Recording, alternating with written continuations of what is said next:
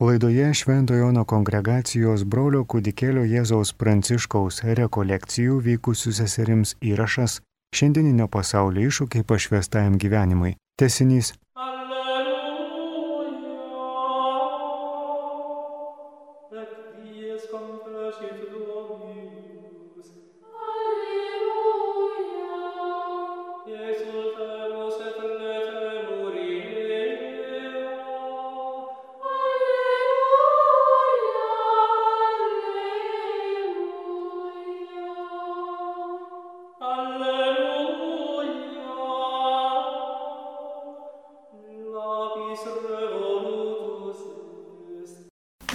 Vienas klausimas. Kaip skirti, kad dabar yra vidinė malda, o ne mąstymas ir atvirkščiai? Ką daryti, jeigu daugiausiai vidinė malda trunka 10 minučių, o paskui pereina į mąstymą siaurąją prasme, arba iš vis į lankas, arba atrodo, lyg kalbėtum su įsivaizduojamu draugu. Koks esminis skirtumas tarp pažinti ir mylėti Jėzų? Ar pažinimo užtenka, pakanka vienuoliniam gyvenimui? Labai geras klausimas. Neužmirškim, kad mūsų pagrindinis klausimas yra e, šio laikinio pasaulio iššūkiai pašvestam gyvenimui. Ir aš sakiau, kad pagrindinis iššūkis šito pasaulio yra atsiversti. Atsiversti kaip šventasis Paulius. Ir toliau aš sakiau, kad atsivertimas yra neįmanomas be asmeninio ryšio su Jėzumi, asmeninio bičiulystės, netgi santuokinio ryšio su Jėzumi, juk esame jo nuotakus. Ir kuris yra neįmanomas, jeigu nėra meilės. Ir taip pat sakiau, kad neįmanoma mylėti, jeigu nepažįstame, ką mylėti. Ir pagaliau prisikasime, kad galime pažinti Jėzų, tapusi žmogumi, kad būtų labiau prieinamas mūsų pažinimui, skaitant raštą ir per mąstymą. Vadinasi, prieš kalbant apie mąstymą, mums dar reikia sustoti ir pamastyti apie šventojo rašto skaitimą. Tai irgi labai, labai svarbus dalykas, kurį šventoji dvasia ypatingai dabar primena bažnyčiai. Popiežius Benediktas XVI jau porą metų kalba įvairiomis progomis ne tik apie maldos būtinybę kunigams ir pasišventusiems asmenims, bet taip pat yra maldingo rašto skaitimo būtinybė. Vadinasi, mums irgi tada reikia klausytis mūsų ganytojų, Kristaus vikaro ir klausyti šventosios dvasios, ką jį kalba bažnyčioms, ką jį mums kalba. Nežinau, ar daug yra kongregacijų, kurių reguloje ar konstitucijoje yra numatytas laikas švento rašto skaitimui. Yra. Yra. Na va, yra. Tai labai gerai. Ten, kur nėra, galbūt reikėtų iškelti savo klausimą, ne ar reikia keisti konstituciją regulą, čia ne, ne formos klausimas ir neįstatymų. Bet esminis klausimas, ar nereikėtų mums pradėti skaityti raštą rimtai. Tai reiškia kasdien. Ir skaityti ne kaip kokį vadovėlį arba laikraštį arba romaną, bet skaityti kaip Jėzaus meilės laišką man. Žinot, kaip įsimylėjęs skaito laiškus? Žinot, skaitėt, įsimylėjo akimis, perskaito ne vieną ir ne du kartus. Ir skaito ir skaito, kol visai suskaito. Ir atranda dar krūvą dalykų, kurių nepastebėjo iš pradžių, tarp eilučių. Ir išgirsta balsą netgi, ir intonacijas to balso, iš to laiško. Šitaip mes turim skaityti raštą kasdien, kasdien, kasdien. Ir klausytis, ką sako mūsų, mūsų meilė. Ir kaip tą sako. Tas meilės laiškas, jis, jis turi būti nuolat prie širdies. Nuolat turiu, čia, čia tikrai pabandykime įsivaizduoti, ne, kad mylimas žmogus išvažiuoja kažkur už balos. Ne, kaip daugybė dabar iš Lietuvos traukia, ieškot geresnės duonos. Aišku, dabar yra ten telefonai, internetai ir panašiai, tai jau šiais laikais net ir sunku, sunku e, gerą laišką gauti ar parašyti. Nes viskas šiais laikais prastėja. Kuo greičiau ir kiek galima daugiau. O kokybės vis mažiau. Kai anksčiau būdavo leidžiamos rinktinės ar ne, susirašinėjimų laiškų tarp kokių nors, pažiūrėjau, Žako ir Raisos Maritain yra prancūzų tokie filosofai. Arba Maritain ir, nebeatsimenu jau šito kitas rašytojas irgi su kuriuo jisai susirašinėjo, nuostabus laiškai. Ir, ir, ir ne vieno tokio yra. O, o iš šių laikų garsenybių, kas bus elektroninio pašto laiškų ištraukos susirašinėjimo, ar, ar, ar kokie nors įrašai, video įrašai. Mūsų šitas santykis, kai rašydami mes susikoncentruojam ir, ir, ir koncentruojame savo mintis ir savo jausmus, jis, jis vis labiau nyksta. Nes reikia kuo greičiau ir kuo daugiau. Tokiu būdu mes esam pripratę prie plokščios, paviršutiniškos informacijos, tokios be jokio reljefo, be jokio išsikišimo, pilkos masės, kurie eina ir praeina ir beveik neužkabina nei širdies, nei proto. Pro vieną ausį įėjo, pro kitą išėjo. Tikrai, tikrai taip yra. Retas dalykas, kad mus, mus iš tikrųjų kokią informaciją sudomintų ne smalsumo prasme, bet užkabintų tikrai giliai mūsų širdį. Jau turi būti ir kažkokia nors visiškai beprotiška baisybė, kad mes kažkiek susijaudintume, arba, arba visiškai neįtikėtina žmogaus gerumas, kad irgi, irgi nusteptume. Bet tokių dalykų paprastai per televiziją nerodo. Galėtų iš tikrųjų ir mūsų parlamentas padaryti kaip Rumunijos parlamentas, kuris žinot, ką nusprendė, kad per televiziją turi būti rodoma lygiai tiek gerų, kiek blogų naujienų. Jeigu blogų per daug, o gerų per mažai, tai blogų reikia nukirpti, nerodyti, kad būtų po lygiai.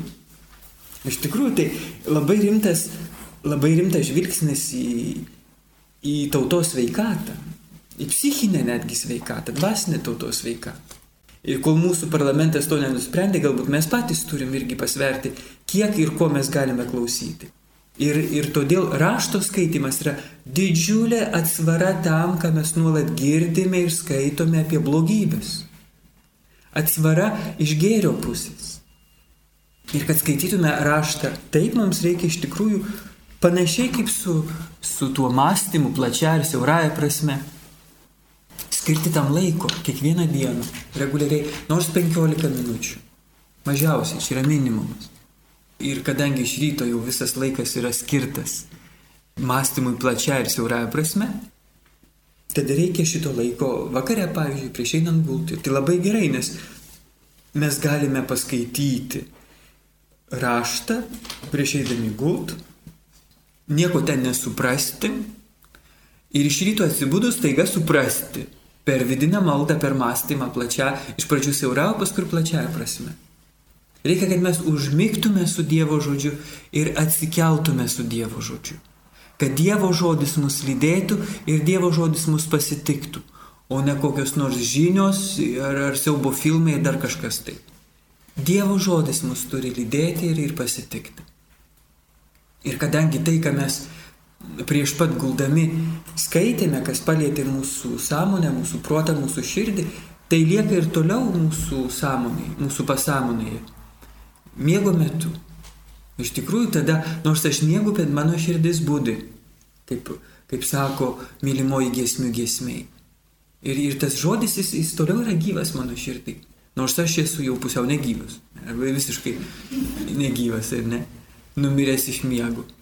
Paskui iš ryto iš tikrai tada per maldą tai, ką aš prisimenu skaitęs vakare, man gali sužypti visiškai naujom šviesom. Taigi, kad jau galėčiau mąstyti siaurąją prasme, aš pirmiausia turiu būti pasiskaitęs apie ką mąstyti siaurąją prasme.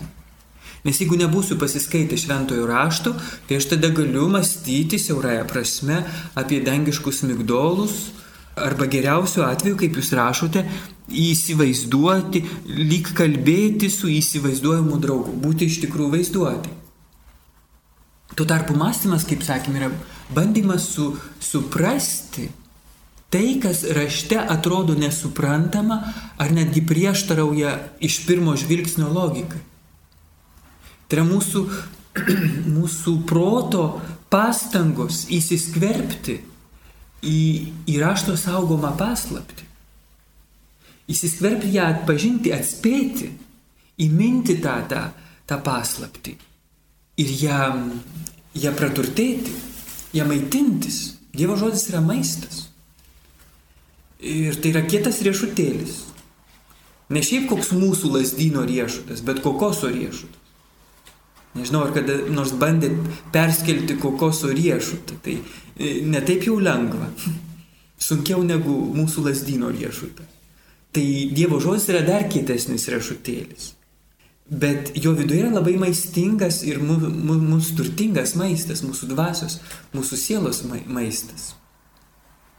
Ir todėl mąstymas yra žnyplės riešutams gliaudyti. Mąstymas jauraja prasme. Bet aš turiu gliaudyti, bandyti, matot, mąstymas nėra, nėra vaizduoti, įsivaizdavimas kažko. Aš žinau, kad yra tokie metodai, ypač jezuitų dvasinės mokyklos įsivaizduoti, kad esi būrie žmonių, tų ten, kurie sekė Jėzų Evangelijoje, ar ne? Ir pamatyti savo akimis tą moteriškę, pavyzdžiui, kuri ten kraujoplūdžių sirgdama priejo Jėzui iš užpakalių ir prilietė jo, jo apsiausto kraštą ir panašiai. Taip aš galiu įsivaizduoti. Ir tai labai, labai praturtins man, mano vaizduotę. Ir tikrai yra geriau įsivaizduoti Jėzų ir šitą moteriškę ir net save vietoj tos moteriškės, negu įsivaizduoti kur nors pleže gulint ir deginantį save. Nes tai irgi gali būti tokių vaizduočių per, per mąstymą siaurąją ir plačiąją prasme.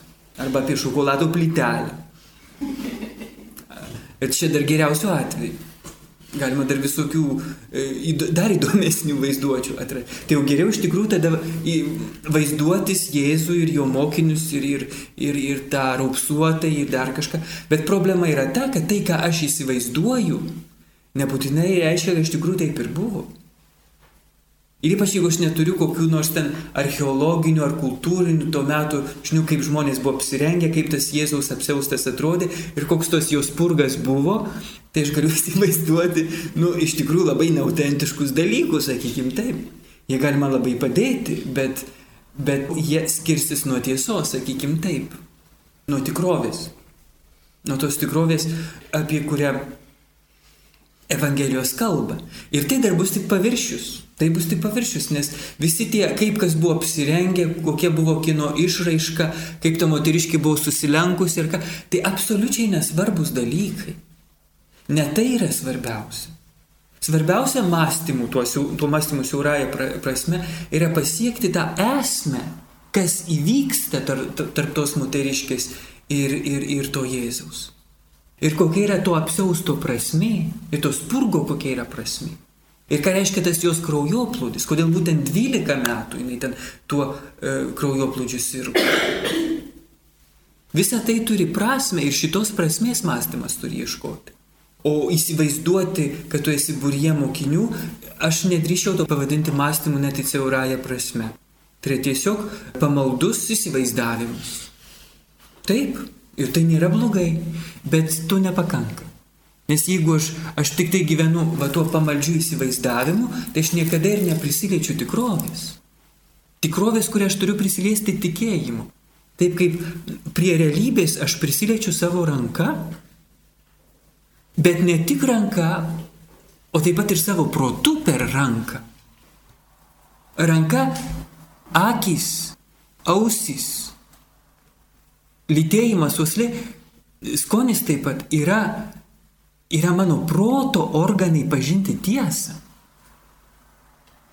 Tai, ką man ranka pasako, ką mano akis ausys pasako, uoslė ir lydėjimas pasako apie tikrovę, yra medžiaga, kurią paskui protas paėmęs įsiskverbia į tą medžiagą ir iš, iš jos priliečia pačią egzistuojančią tikrovę, jos būti, jos esmę kur yra anapus to kietumo, geltonumo, saldumo ar kartumo ir, ir ten kvapo kažkokio ir panašiai. Tai yra tik paviršius.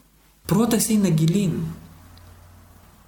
Taip ir su, su raštu, kurį aš skaitau ir kuriuo aš galiu įsivaizduoti. Vaizduoti tada atitiktų tokiu atveju mano daugiau e, va tas rankas, akis, ausis ir panašiai, bet tai, tai būtų tik tos medžiagos pristatymas. Turiu eiti gilin, tolin, nes kitaip ir liksiu tik tai išorė. Taip kaip žmonės, ar ne, įsimylį iš pirmo žvilgsnio dėl ko? Dėl to, kad gražus veidelis, mėlynos akis, balti plaukučiai, ne? Bet yra tik išorė, kaip lietuviai, lietuviai sako, iš kaktos viesto netepsi. O gal ten po to, to gražiom ir įnom akytėm ir baltais plaukučiais ten tikra ragana slepiasi. Ir paskui, kai pradedi kartu gyventi, labai greitai išlenda vis, vis, viskas į paviršių, bet jau yra per vėlų. Bet jau yra per vėlų. Taip ir mes turime skverbti, skverbtis už, už tos, už paviršiaus, lysti gilin. Ir tai mes turim daryti savo protu. Ir čia mes tada prieinam tą tikrąjį mąstymą siaurąją prasme.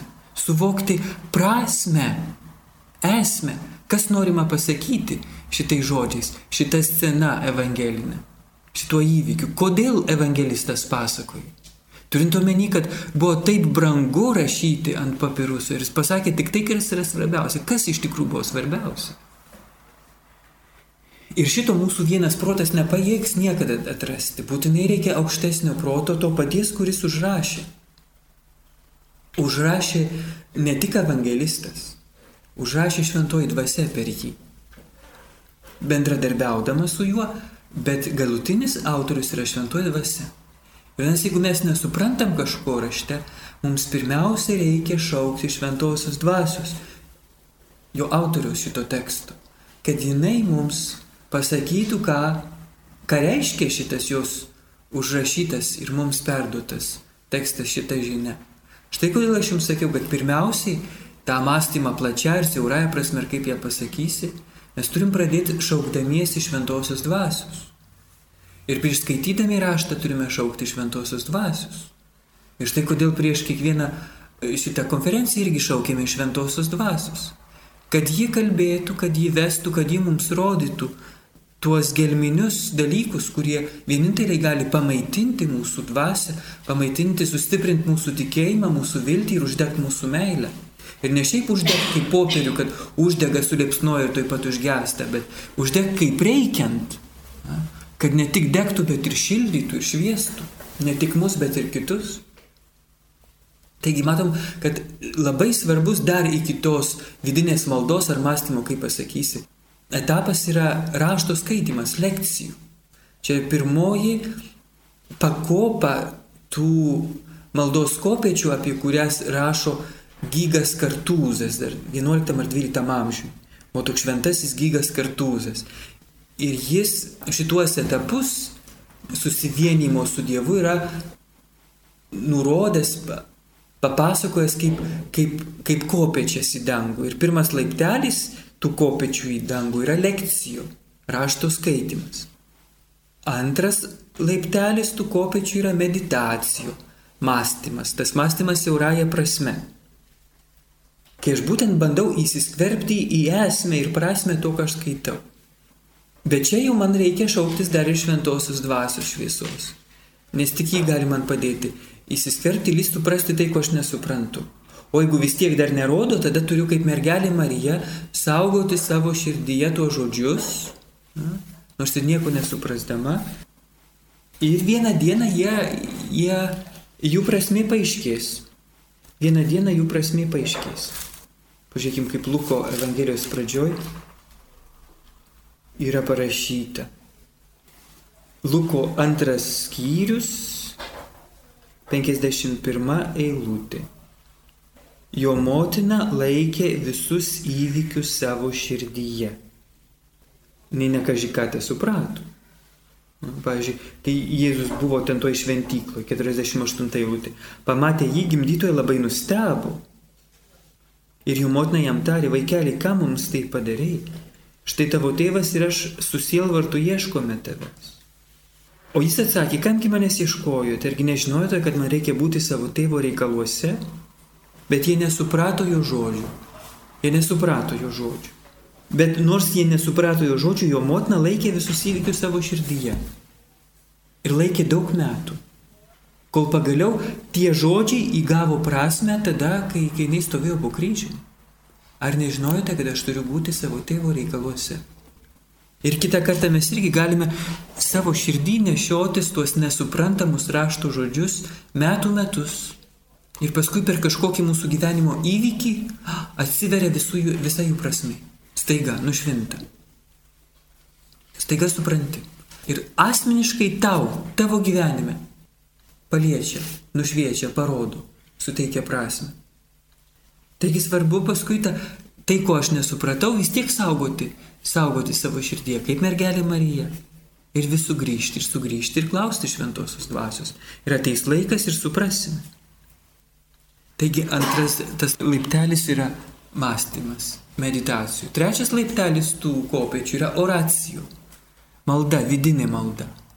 Iki tol skaitimas, mąstymas dar buvo daugiau mano jėgų ir iniciatyvos, mano pastangų, nors jau šaukiuosi šventosios dvasios pagalbos. Oracijoje yra pusiau mano darbas, pusiau šventosios dvasios.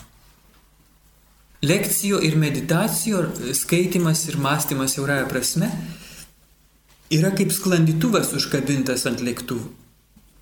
Mano protas, mano pastangos skaityti, mąstyti yra lėktuvas, kuris tempia sklandytuvą mano širdį. Ne? Ir paskui ateina laikas, kada jau galima nukabinti šitą, šitą lyną, kuris, kuris jungia lėktuvą ir sklandytuvą.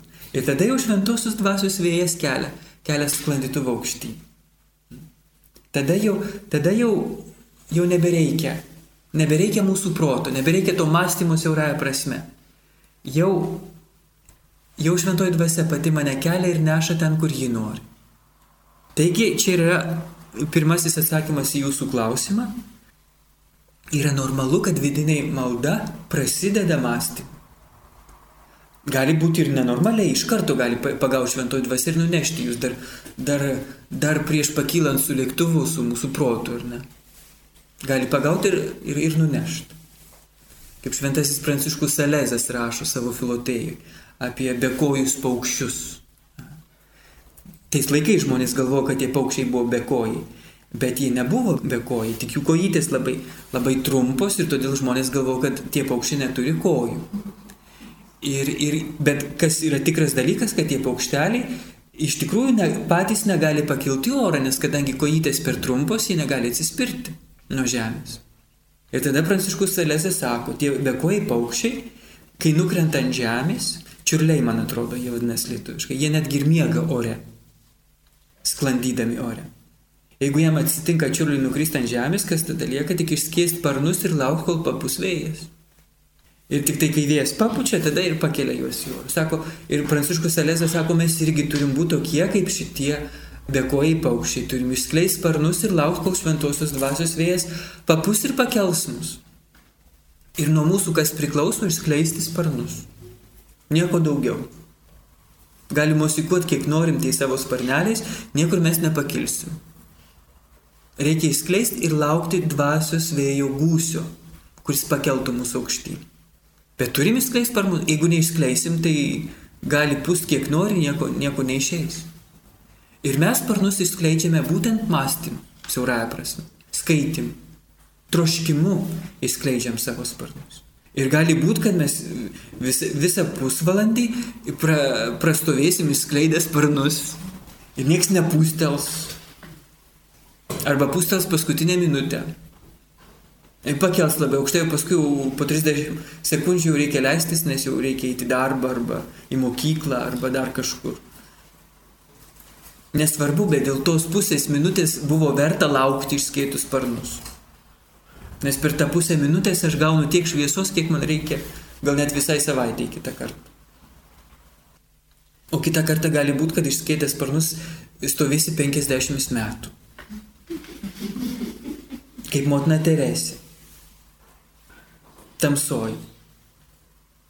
Ir su vis skausmingai, bet vis gilesniu troškimu.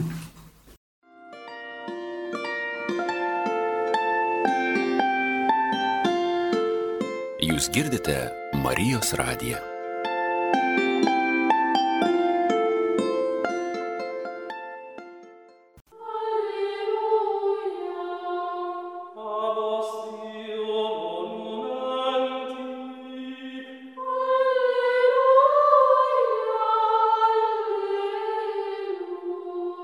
Eterija laida Šventojono valanda. Girdite Šventojono kongregacijos brolio kudikėlio Jėzaus Pranciškaus rekolekcijų vykusių seserims įrašą šiandieninio pasaulio iššūkiai pašvestajam gyvenimui.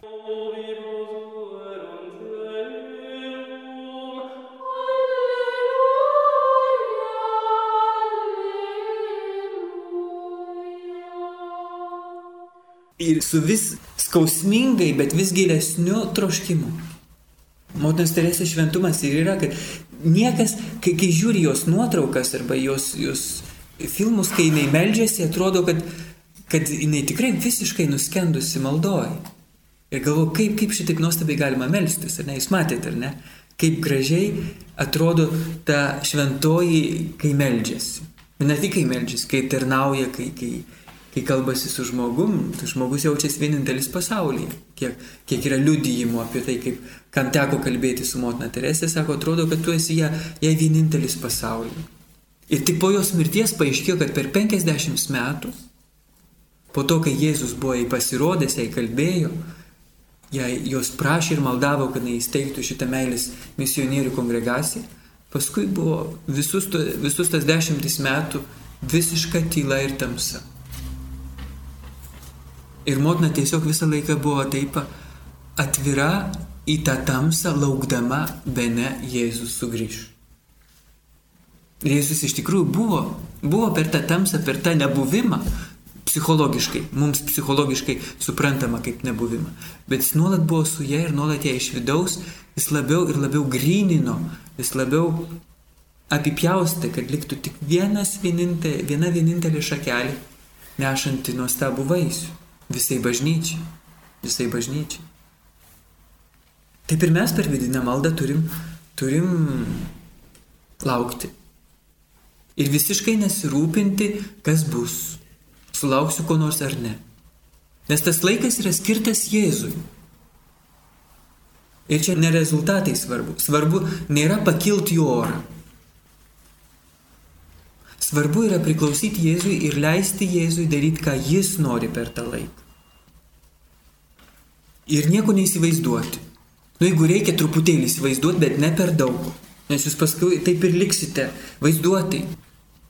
O tikrovė yra paliečiama taip, kaip mes paliečiam tikrovę tais mūsų penkiomis jūslėmis, taip mes Jėzų dvasę, dvasinį gyvenimą paliečiame tikėjimu, viltimi ir meilė. Tikėjimas, viltis ir meilė yra mūsų dvasios rankos, ir uoslė, ir akis, ir ausis, ir, ir, ir skonis. Jais mes paliečiame Jėzų. Vienas mes turime per tą vidinės maldos laiką liesti Jėzų, žiūrėti jį, klausytis jo tikėjimo, viltimi ir meilė. Ir kad pažadintume tą tikėjimą, mums reikia skaityti raštą ir jį mąstyti, mąstyti mėginant suprasti jo prasme, o neįsivaizduojant, kaip ten kas buvo. Nors tas irgi gali padėti, bet to nepakanka. Tai yra tik tai pati pradžia, pati pati pati pradžia. Ir paskui leisti Jėzui veikti. Ir gali būti, kad va taip, va, kai esi pakeltas to šventosios dvasios vėjelio, gali taip atsitikti, kad paskui pateksi ant, ant ketvirto gygo kartuzo kopiečių laiptelių, kuris vadinasi kontempliacijų kontempliacija, kur viskas jau visiškai priklauso tik nuo Dievo.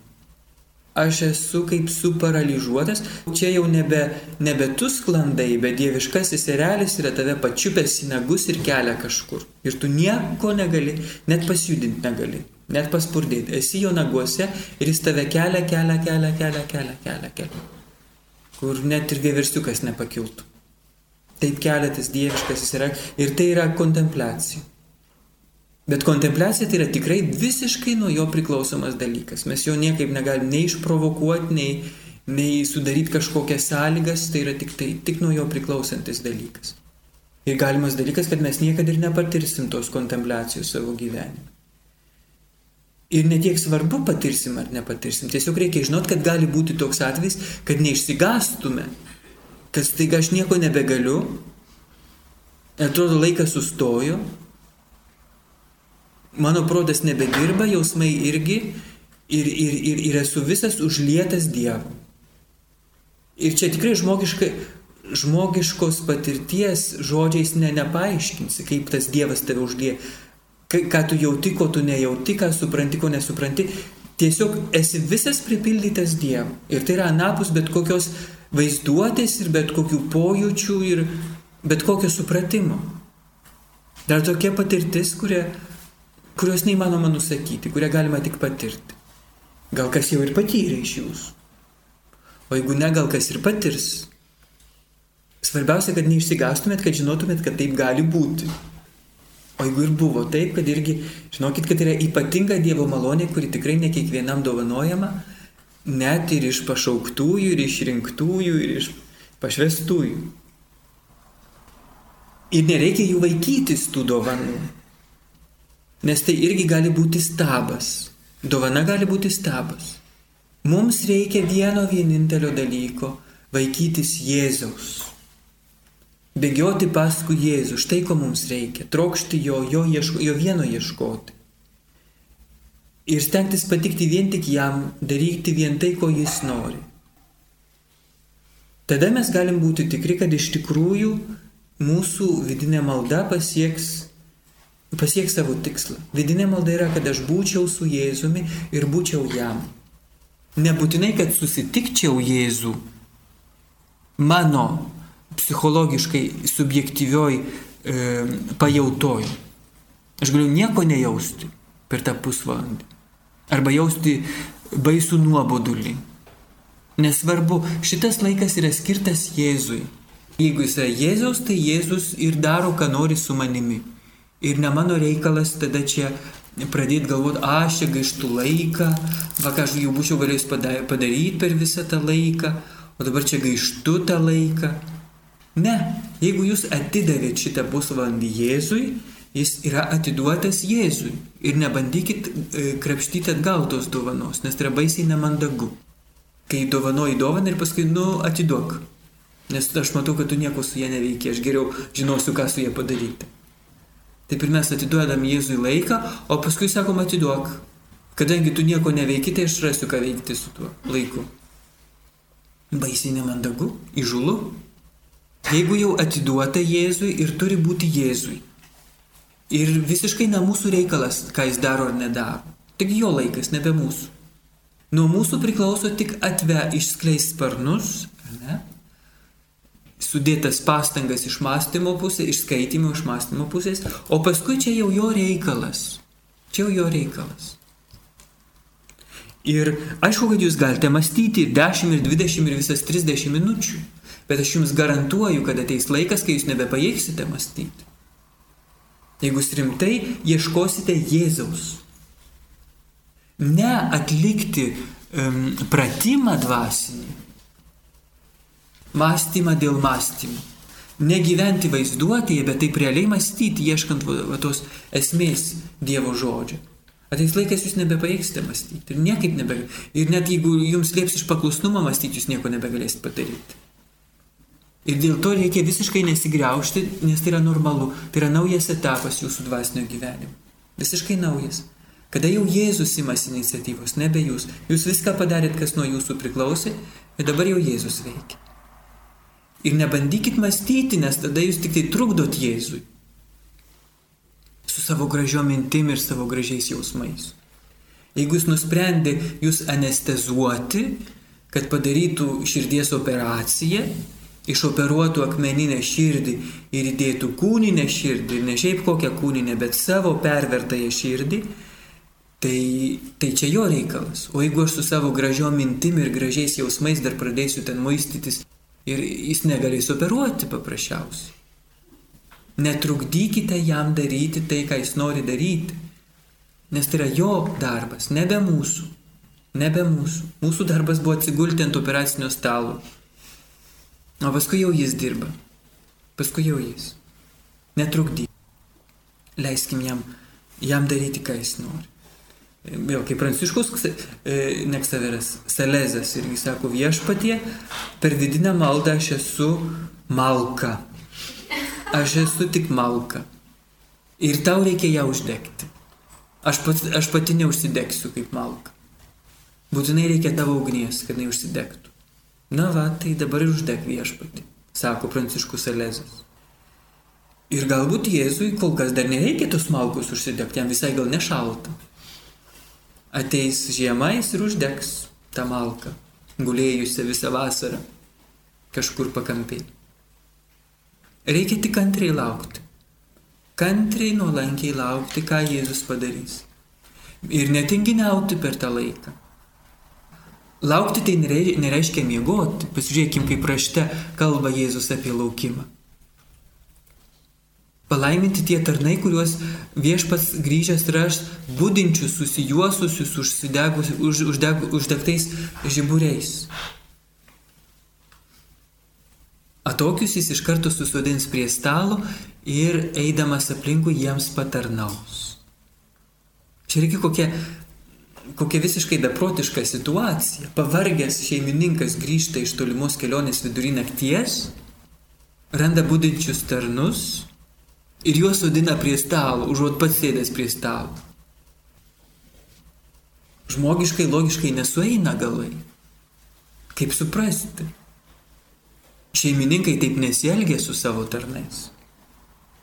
Iš tikrųjų, toks šeimininkas su savo tarnais gali taip elgtis tik tada, jeigu jis yra jo draugas, jo bičiulis, jo geriausias draugas.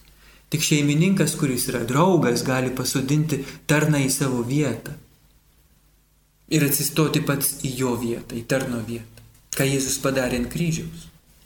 Jis atsistojo į tarno vietą ir mus pasodino į savo karališką sostą. Ir mums patarnauja, lėdamas mums šventąją dvasę, kuri mus maitina, gaivina ir stiprina.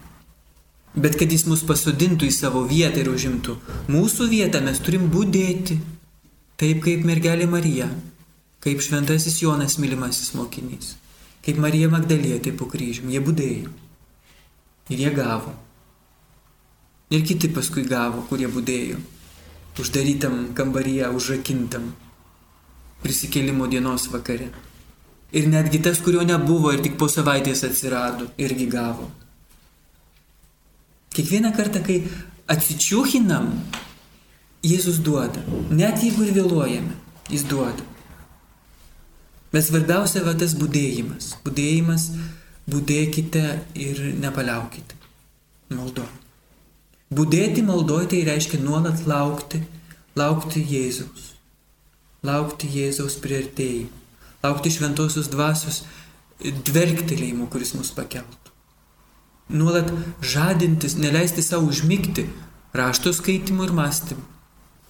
Taigi matot, kad per gali būti to, to, to mąstymu. Ir netgi vidinė malda turėtų prasidėti mąstymu ir paskui tik pereiti į vidinę maldą o ne vidinė malda pereina į mąstymą siaurąją prasme. Arba iš visi lankas, taip. Tai čia irgi klasikinis dalykas. Kadangi būdi, būdi, būdi, būdi, o yra šiaip jau tamsi naktis, tai aišku pradeda merktis akis. Ir ne tik dvasinė prasme kitą kartą. Būna, kaip ir vidinė malda, net ir garsai ima sklisti, visai nedieviški. Bet tada irgi galima prisiminti, užuot teisius brolį ir seserį, kuris užknarkė, kad e, galime prisiminti tą psalmę, kuris sako, kad viešpats pripildo savo malonių, savo mylimą į jam tebe miegant. Ir kūdikėlio Jėzus Teresėlė, sako, jinai beveik visada miegodavo per vidinę maldą. Tas visai nesutrukdė į tap šventą. Ir Teresė Vilietė irgi yra pasakius, kad yra geriau miegoti prie Jėzaus kojų, negu būdėti bet kur kitur. Tai nereiškia, kad mes dabar galim susipakuoti keturlink ir, ir miegoti prie Jėzaus kojų. Ne, mes turim stengtis neužmygti. Taip, turim stengtis būdėti. Bet jeigu jau užmygom, nu tai užmygom. Ir nereikia dėl to graužtis, esam tik silpni padarėliai. Matyti, tarp kitko, taip reikėjo. Teresėlė, atsimenat, kai rašo apie šitą miegą per vidinę maldą. Jis sako, aš manau, kad tėvai savo miegančius vaikus myli lygiai tiek pat, kaip ir nemiegančius. Ne taip kažkaip prašo. Bet kas mums svarbu, tai stengtis neužmygti. stengtis neužmygai, tai užmygai, jau paskui nereikia graužtis. Bet labai svarbu stengtis būdėti. Ir būdėti va tą dvasinę prasme. Kaip sakau, kaip tas kačiukas, kuris laukia pastatęs ausis žiūri, iš, kur, iš kurios pusės sugrebždės pelytė. Jėzus yra ta pelytė. O ne, o ne kaip kačiukas, kuris murkia ant krosnės. Kuris irgi labai mielas padarėlis, kai ant tos krosnės murkia. Bet mums svarbu yra tas, tas būdėjimas. Užtat aš sakau, aš, aš patarčiau, kiek galima mažiau įsivaizduoti.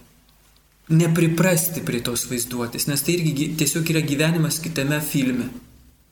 Kiek kitokiame nei, nei kur, koks nors televizijos serialas, bet vis dėlto filme.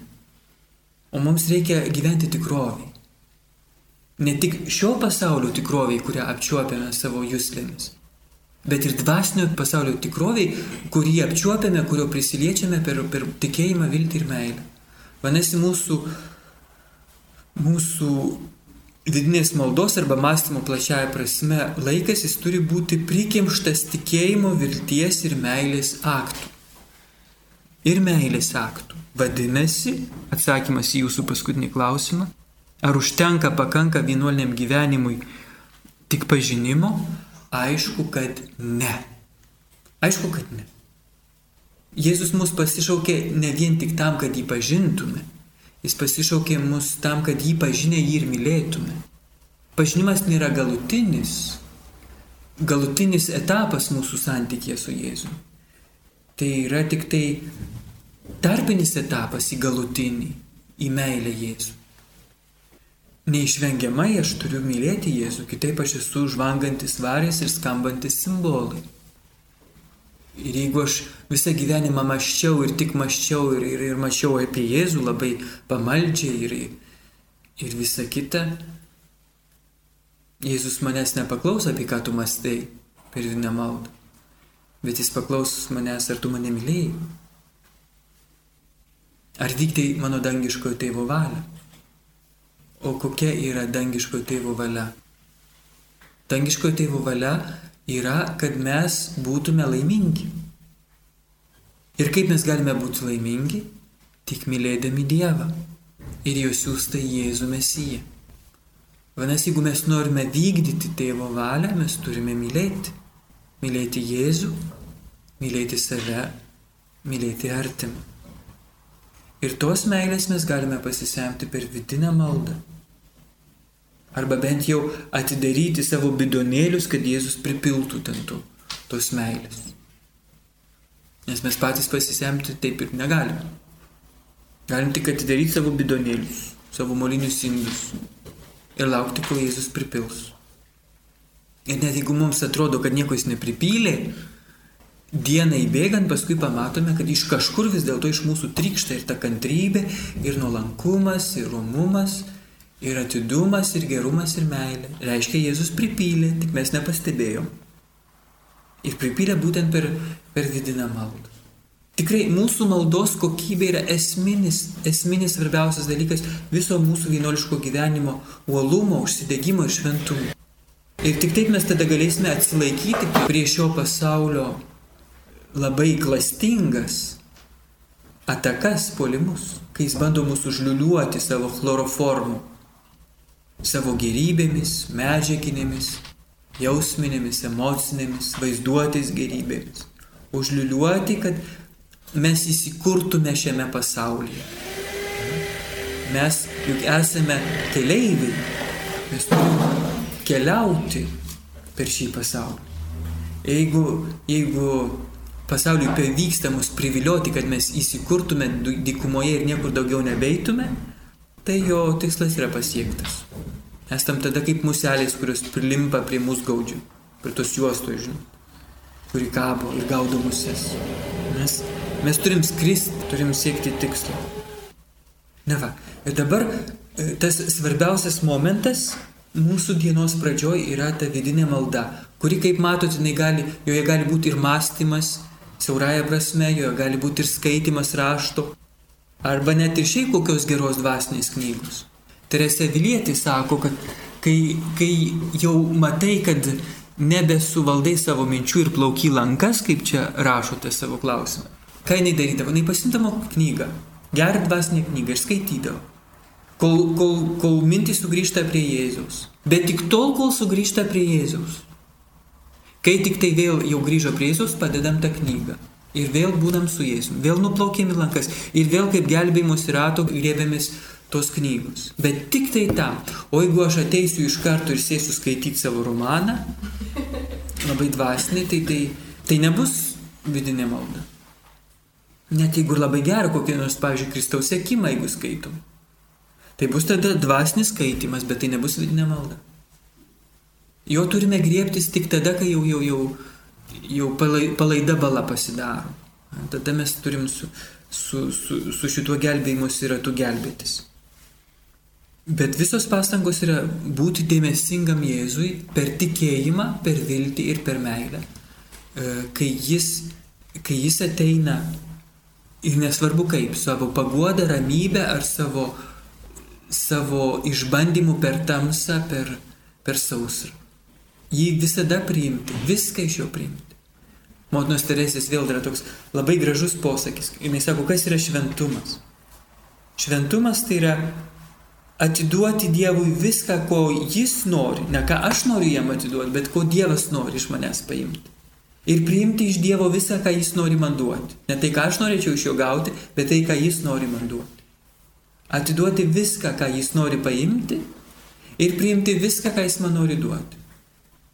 Vienas iš gražiausių pasakymų apie tai, kas yra šventumas, man atrodo. Tas visiškas priklausom, priklausomumas, priklausomybė nuo Jėzaus, nuo jo žvilgsnio. Ir per vidinę maldą, kuri yra tik tai kaip mažas modelis, koncentratas viso mūsų gyvenimo, mes tada turim atiduoti Jėzui viską, ką jis nori iš mūsų paimti ir priimti iš jo visą, ką jis nori mums duoti. Nesvarbu, ar tai būtų tamsa, ar saustra, ar šaltis, ar, ar kontempliacija. Ir kaip aš jau užsiminiau, vidinė malda yra koncentratas, kuris paskui suteiks skonį ir kvapą visam mūsų gyvenimui. Kristaus gerai kvapą, malonų į kvapą visam mūsų gyvenimui. Ir štai kodėl karmelitės, aš nežinau kaip čia paštuvoju pas mus Lietuvoje, bet senuosiuose karmeliuose su dvasios motina karmelitė kalbasi tik apie savo vidinę maldą. Nes toj vidiniai maldoj yra visas jos gyvenimas. Kitaip sakant, jos gyvenimo problemos kyla iš jos vidinės maldos problemų. Ir štai kodėl priklausomai nuo mūsų vidinės maldos kokybės keisis ir visas mūsų gyvenimas. Girdėjote Šventojono kongregacijos brolio kūdikėlio Jėzaus Pranciškaus rekolekcijų vykusių seserims įrašą šiandieninio pasaulio iššūkiai pašvestajam gyvenimui.